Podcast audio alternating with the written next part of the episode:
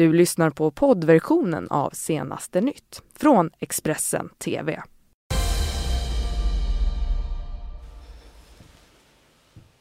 Jag säger välkommen, du tittar på senaste nytt denna annan dag med eh, mig Johanna Gräns. Eh, vi ska nu ta en titt på eh, morgonens toppnyheter. Lägenhet beskjuten i Tensta i natt. Polisen visste att trippelmördaren skulle fly men kunde inget göra, hör den pensionerade kriminalkommissarien om fallen han aldrig glömmer. Jordskalv i Gävle. Jenny satt i tv-soffan när hon hörde en kraftig smäll. Ja, vi ska börja i Stockholmsförorten Tensta där en lägenhet blev beskjuten under natten till idag. Skotten ska ha gått in i lägenheten från utsidan men ingen person uppges vara skadad. Larmet om händelsen kom in runt halv ett efter att någon hade hört skottlossning. Polisen har nu spärrat av platsen och tekniker är på väg för att göra en brottsplatsundersökning och en dörrknackning i området. Polisen utreder nu den här händelsen som misstänkt eh, försök till mord. Ja, det är inte ofta det händer, men just i Gävletrakten har det hänt nu ett par gånger. Jag pratar om ett jordskalv som inträffade under juldagskvällen. Och Gävlebon Jenny Hornborg, hon satt hemma i tv-soffan när hon fick höra en riktigt kraftig smäll. Och så här berättar hon om vilka tankar som flög runt i huvudet. Ja, vi trodde ju först att det var någonting som, något stort som landade på vårt hustak för det smällde så oerhört högt. Det blev en jättekraftig smäll och så kom det ju kraftiga eh, vibrationer i hela huset efteråt. Det var ju inte så länge sedan, i mitten av oktober, som också Gävletrakten drabbades av ett skalv. Var det ungefär samma känsla om du var med då också i oktober?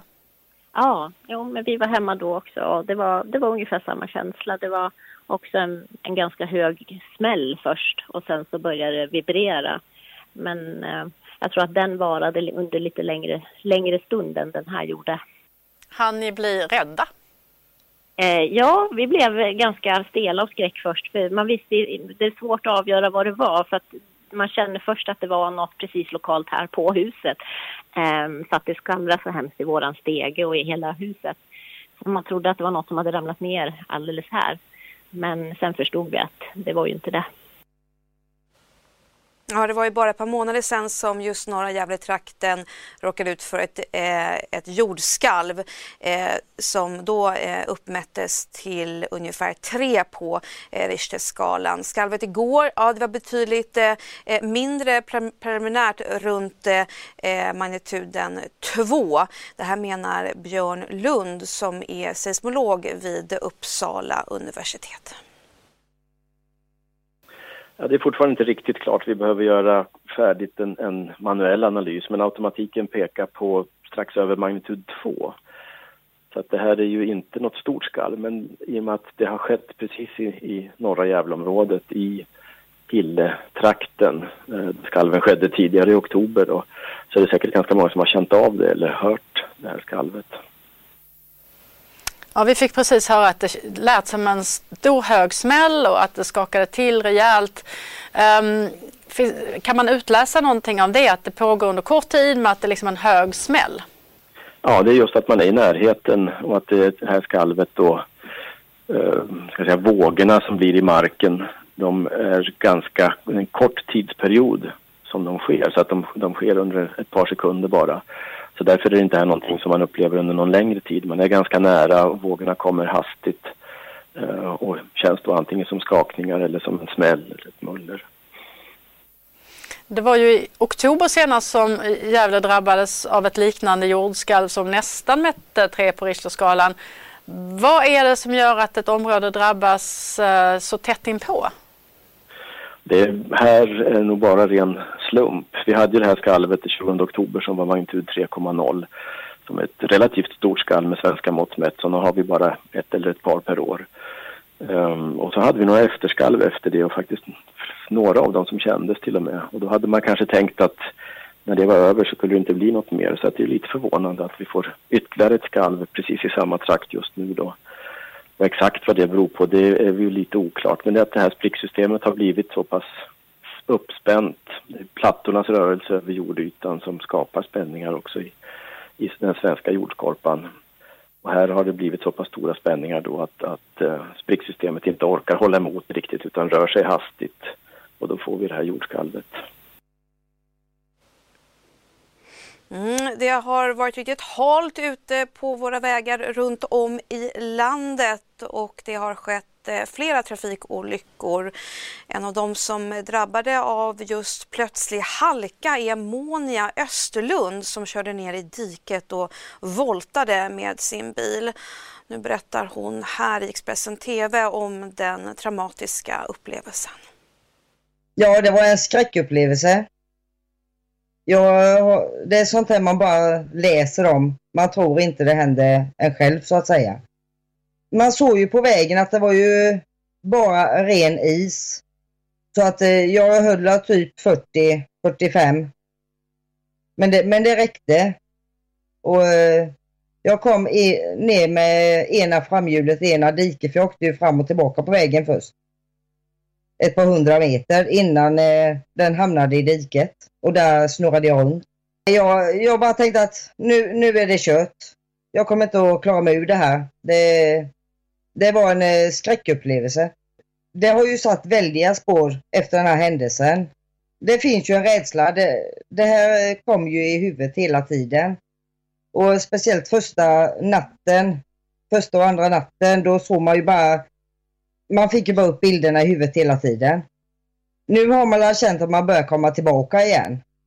Fast eh, smärtorna, det, det påminner ju om eh, händelsen hela tiden. Mm, vi lämnar den besvärliga halkan därför nu och vi ska prata om att svenska myndigheter vänder sig allt, i hög, allt högre, i allt högre utsträckning ska jag säga, till eh, Facebook för att eh, få ut information om svenska användare och konton. Det gäller bland annat då, den svenska polisen och deras syfte är ofta att inhämta information som då kan kopplas till eh, fysiska personer för att utreda brott som narkotikaförsäljning, försäljning, identitetsstölder och eh, sexualbrott. Och I drygt 90 procent av de här fallen så går också Facebook med och eh, går myndigheterna till mötes och lämnar ut den begärda informationen. Vi ska nu till USA för delar av landets eh, statsapparat har varit stängda sedan i lördags då eh, de senaste veckornas budgetförhandlingarna låst sig. Och igår så meddelade USAs president Donald Trump att de fortfarande kommer att hålla stängda tills han får igenom sitt krav om pengar till muren mot Mexiko. I can't tell you when the government's going to be open. I can tell you it's not going to be open until we have a wall, a fence, whatever they'd like to call it. I'll call it whatever they want. But it's all the same thing. It's a barrier from people pouring into our company, into our country from drugs, Mm, presidenten har krävt 5,7 miljarder dollar, något som varken Republikanerna eller Demokraterna i kongressen har gått med på. De här strandade förhandlingarna innebär alltså att flera betydande amerikanska myndigheter stängs tillfälligt och att hundratals, eh, hundratusentals ska säga, anställda riskerar att arbeta utan lön. Och på grund av det här låsta läget innebär det att Donald Trump har haft eh, allt annat än en fröjdefull jul. We're going to have a shutdown. There's nothing we can do about that. Det är mindre fridfulla tider för Donald Trump i Vita huset nu runt jul. I spåren av budgetkaoset målar presidenten upp en dyster bild av sitt eget firande på Twitter. Jag är helt ensam, stackars mig, i Vita huset och väntar på att Demokraterna ska komma tillbaka och gå med på ett avtal för en gränskontroll som vi är i desperat behov av, skriver han. Så något vidare jullugn kanske man inte kan säga att han fått njuta av så här långt. Faktum är att Trump är första presidenten som spenderar julledigheten i Washington sedan Bill och Hillary Clinton gjorde det för 18 år sedan. Trump tvingades ställa in den planerade julresan till lyxresidentet i Florida dit First Lady Melania Trump redan hade åkt. Men bara minuter efter att den nämnda tweeten skickats ut sågs dock Melania lyfta från Florida för att återvända till Vita huset extra tidigt på grund av nedstängningen av delar av statsapparaten. Viktiga samhällsfunktioner har tvingats stänga ner och hundratusentals statligt anställda blir utan lön efter att Trump och senaten inte lyckades enas om en budget i tid till deadline i fredags. Donald Trump har också gått till ny attack mot den amerikanska centralbanken Federal Reserve som nyligen höjde styrräntan i USA. Spekulationer om att Trump har för avsikt att sparka centralbankschefen Jerome Powell har skapat oro på börsen. Under julafton var börsen öppen en halv dag och för Dow Jones föll index med 2,91 procent. Mm, du kan ju klart följa utvecklingen i USA här i Expressen TV men också på vår sajt Expressen.se. Under 46 års tid så har 66-årige Tord Haraldsson medverkat i över 200 utredningar om dödligt våld och han har faktiskt beskrivits av chefsåklagare Mats eh, Eriksson som Sveriges bästa polis. Och nu berättar eh, den pensionerade kriminalkommissarien i en artikelserie i GT om fallen han aldrig glömmer. Och idag ja, då handlar det om trippelmordet i Uddevalla. På lördagsmorgonen den 7 mars 2015 ringer det i kriminalkommissarie Tord Haraldssons telefon när han är på semester i Österrike. I Uddevalla har tre unga personer hittats döda efter att ha blivit ihjälskjutna i ett av de brutalaste våldsdåd som skakat Västsverige i modern tid. När han kommer tillbaka till jobbet sitter två personer redan frihetsberövade bröderna Mark och Martin Saliba. De har gripits redan dagen efter trippelmordet. Ja, Mark tror jag sa ingenting. Han var eh, stenhård. Martin pratade väl lite grann, men han berättade inte sanningen. Han var ju mycket mer social. Och så. Hade du någon personlig kontakt med dem under Nej. den här processen? Det var andra som skötte det? Ja, mina affärsledare som skötte det. Det var ju unga människor och det var väldigt uh, upprört och ledsamt i Uddevalla uh, såklart under den här tiden. Hur påverkas man på något sätt av det när ni utreder, tänker jag, att folkets, allmänhetens ilska på något sätt och, och krav att detta måste ni klara upp? Ja, det är klart att vi... Men eh, vi försöker alltid. Eh, så att det, det, är väl kanske inte... Det tänker man inte på så när man är mitt inne i utredningen, för man gör ju allt för att kunna lösa det här. Va? Polisen får fram mer och mer bevisning mot bröderna Saliba. Men när Uddevalla tingsrätt efter en lång och känslosam rättegång förkunnar domen tar allt en ny vändning. Mark Saliba får livstidsfängelse. Martin Saliba frikänns. Domarna överklagas, men när förhandlingen i hovrätten avslutas i januari 2016 har Martin Saliba flytt landet. Något som Tord Haraldsson redan varnat för. Ja, det var ju så såklart att det skulle bli så här för min del. Jag försökte ju på Eh, och påverka och, eller eh, diskutera med åklagaren här att det, så här kommer det ju bli. Alltså, han kommer ju aldrig infinna sig på sista rättegångsdagen. Och vi diskuterade men åklagaren konstaterade att han kan inte göra någonting åt det. Han är, han är ju fri. Det är till Libanon, där han också är medborgare, som Martin Saliba flytt. Och där lever han länge gömd innan han grips och ställs inför rätta. I den libanesiska rätten har han fått en dödsdom som omvandlats till livstids straffarbete. Hur tänker du kring att han greps där nere? Får han sitta i Libanon istället? Det känns ju som att det kan vara ganska hårt. Ja. Nej, jag har inga känslor. Alltså det är som jag säger, det, det är brottet mm. jag är med och utreder. Sen, eh, jag har inget behov mm. av att en person ska lida eller må dåligt eller, eller så. Utan det är klart, är du dömd till straff så ska du avtjäna det. Mm. Sen om man, jag har ingen aning hur det är där nere eller förlands hur det är, det, det vet inte jag. Mm, och med det så tar vi en liten kort paus härifrån Senaste Nytt men vi är strax tillbaka med eh, mer nyheter.